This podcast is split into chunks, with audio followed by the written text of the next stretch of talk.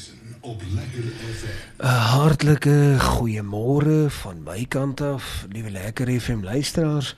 Wat 'n groot eer en voorreg om dan nou ook vanmôre die woord van die Here te kan oopslaan. Om die woord van die Here te kan open en te kan weet dat die Here besig is met ons. Dat die Here in sy getrouheid nog altyd met ons werk. En dat ons ten al ten opsigte van enige saak die Here kan nader en met die Here kan praat en vir die Here te kan vra Here met hierdie saak of daardie saak het ek hulp nodig. Help my. Here want in my hart vind ek dat dinge baie moeilik gaan. En weet jy wat? As jy opreg is voor die Here kan dinge verander. En vir my so kosbaar want uh, ons is nog besig ons het Vrydag begin hier met 'n 'n woord wat wat ek graag net tot die hart van elkeen wat luister wil spreek. En dit vind ons opgeskrywe daar in die tweede boek in die Kronieke. En wil ek graag vanmôre weer daar uit hoofstuk 6 uit lees en en is dit nou nie my gewoonte om altyd te veel uh, verse te lees op een slag nie, maar sal ek dit waardeer as ons vanmôre saam kan volg en saam kan luister en saam die hartklop van die Here soek ten opsigte van wat juis in hierdie spesifieke situasie baie baie belangrik is. Gaan haal vir my jou woord. Daar waar jy kan onthou die laaste keer waar hy was. Ek praat hier van jou fisiese Bybel as jy wil lees op die tablet of daar op jou selfoon is jy meer as welkom. Ek is maar een wat verkies dat ons die Bybel vashou. Want in die Bybel kan ek 'n nota maak. Ek kan skrywe en ek kan vertrou dat die Here daardeur ook my hart sal stig en seën op 'n latere stadium. Nou ek wil vir jou vra, kom ons lees dit saam. En dis nou 'n paar versies, dis 2 Kronieke, die 6ste hoofstuk En dan onthou nou wil ek graag vers 14 lees. Dan gaan ek dadelik oor na vers 18 en 19 en dan van daar af gaan ek oor na vers 36 en 37. En dan gaan ek aan vanaf vers 38 tot en met 40. So met ander woorde vers 36 tot 40 toe. Kom ons lees dit vanmôre saam en dan direk daarna kan ons saam bid oor dit en dan die Here vertrou dat hy in ons harte kom praat. Hy sê hier Here God van Israel.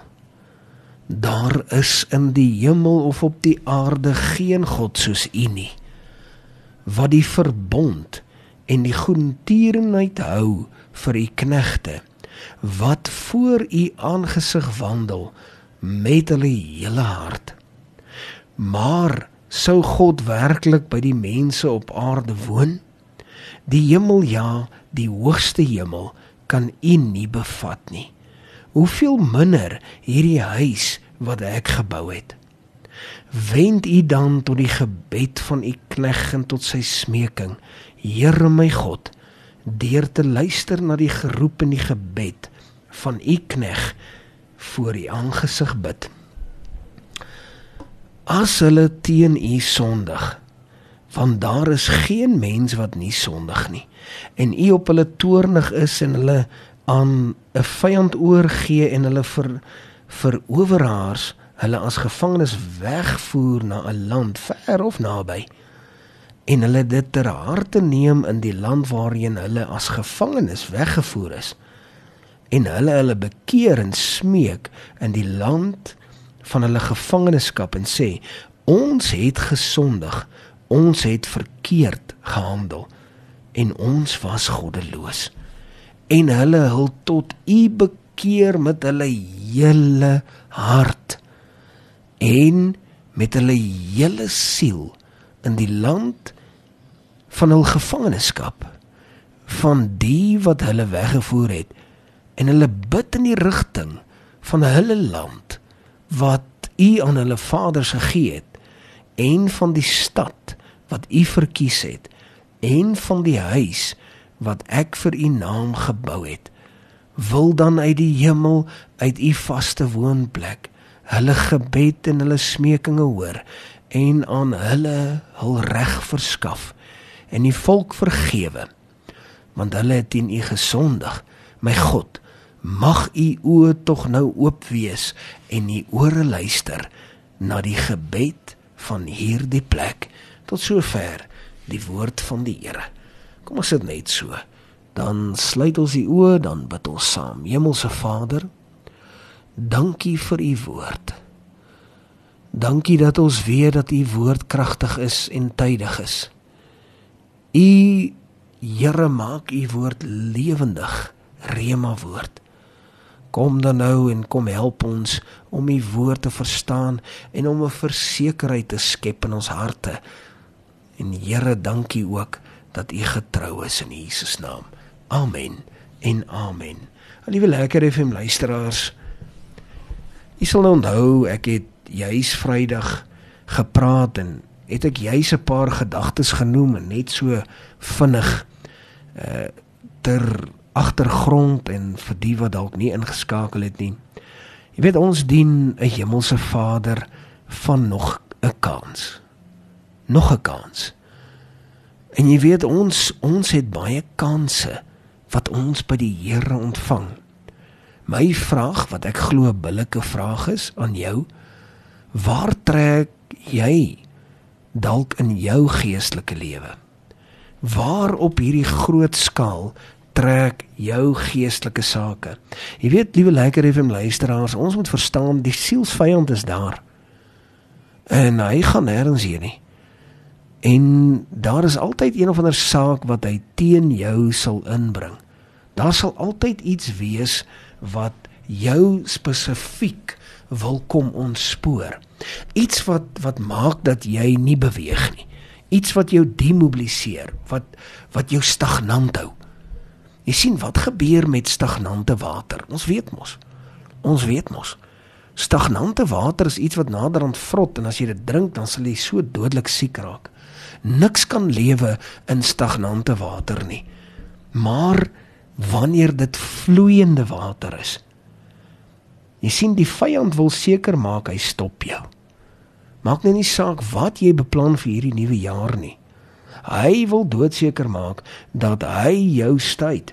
Hy wil seker maak jy verloor totaal en al koers dat jy aanvanklik op pad hierheen was en nou is jy op pad daarheen en en toe draai dit om toe jy skielik op pad na 'n ander plek toe. Uh, jy weet die vyand wil jou potjie.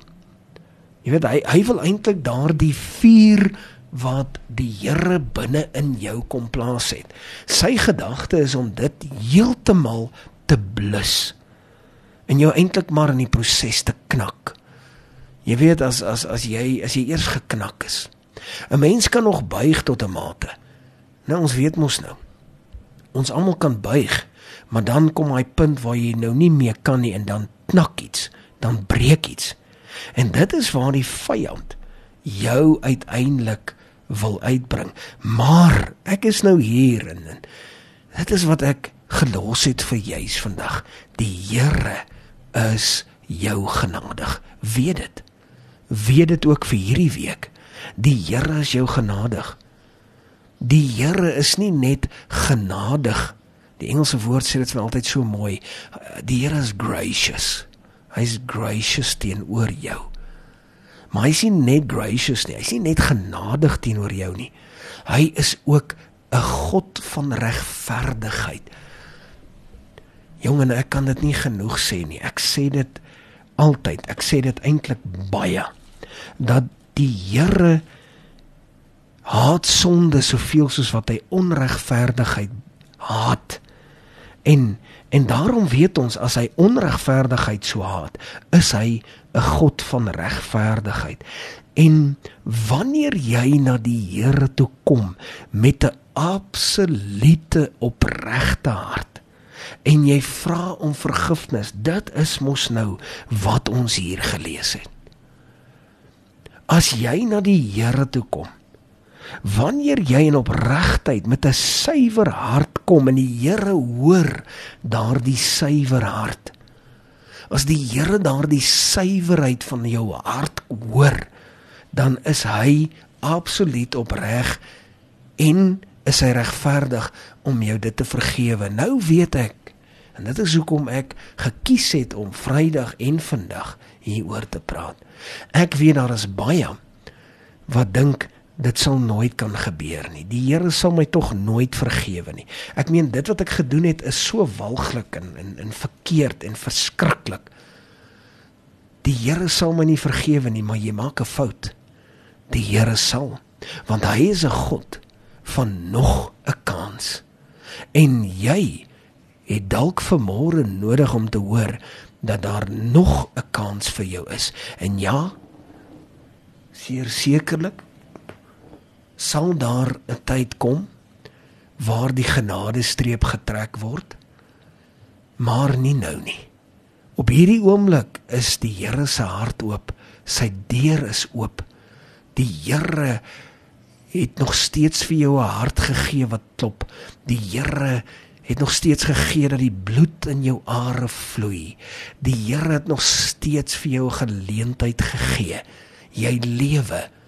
En omdat jy lewe sê die Here, as jy hom nader, dan sal hy jou nader.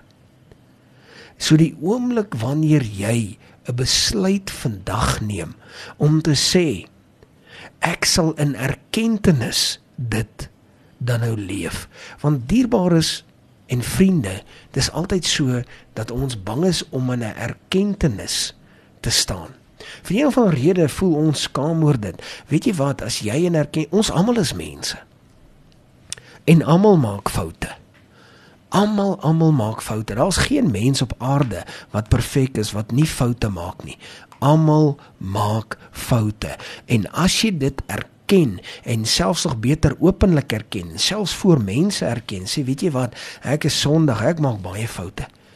Ek is jammer, Here, dat ek foute maak. Dan is hy getrou. Met ander woorde, as jy opregte berou het, as jy opregte berou het, dan sal die oë van die Here skielik op jou gerig wees dan is dit soos hy hier in vers 42 sê Here God wys die gesalfde nie weg nie. En nou as hy praat van gesalfde, praat hy nou net hier van mense wat agter 'n kansel staan of iets uit te waai met die dinge van die Here net met sendelinge of praat hy hier met elke mens wat 'n roeping het en verstaan hy 'n roeping. Liewe lekker effe vriende, jy soos jy daar sit en luister, jy het 'n roeping. Jy het 'n absolute goddelike roeping. En dan sal die oë van die Here op jou gerig wees as jy die Here loof en prys met alles in jou en jy in erkenning lewe en sê Here ek is jammer. Ek maak baie foute.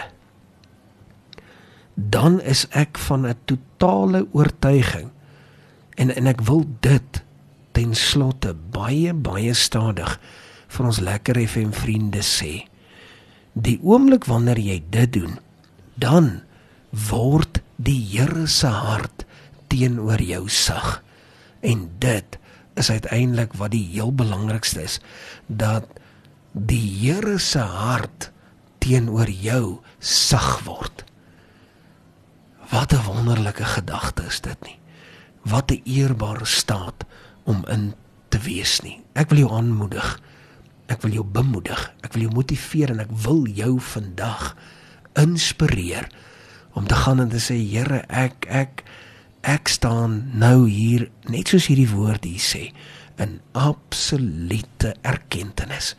Vergewe en help my en draai u gesig eens my in Jesus naam.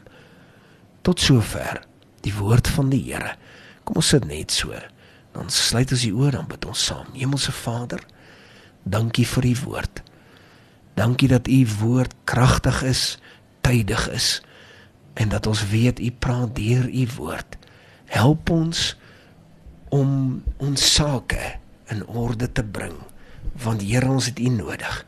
Dit is my gebed in Jesus naam. En ek bid dit nie net omdat ons dit enigsins verdien nie, maar alleen uit absolute genade. Amen. En amen.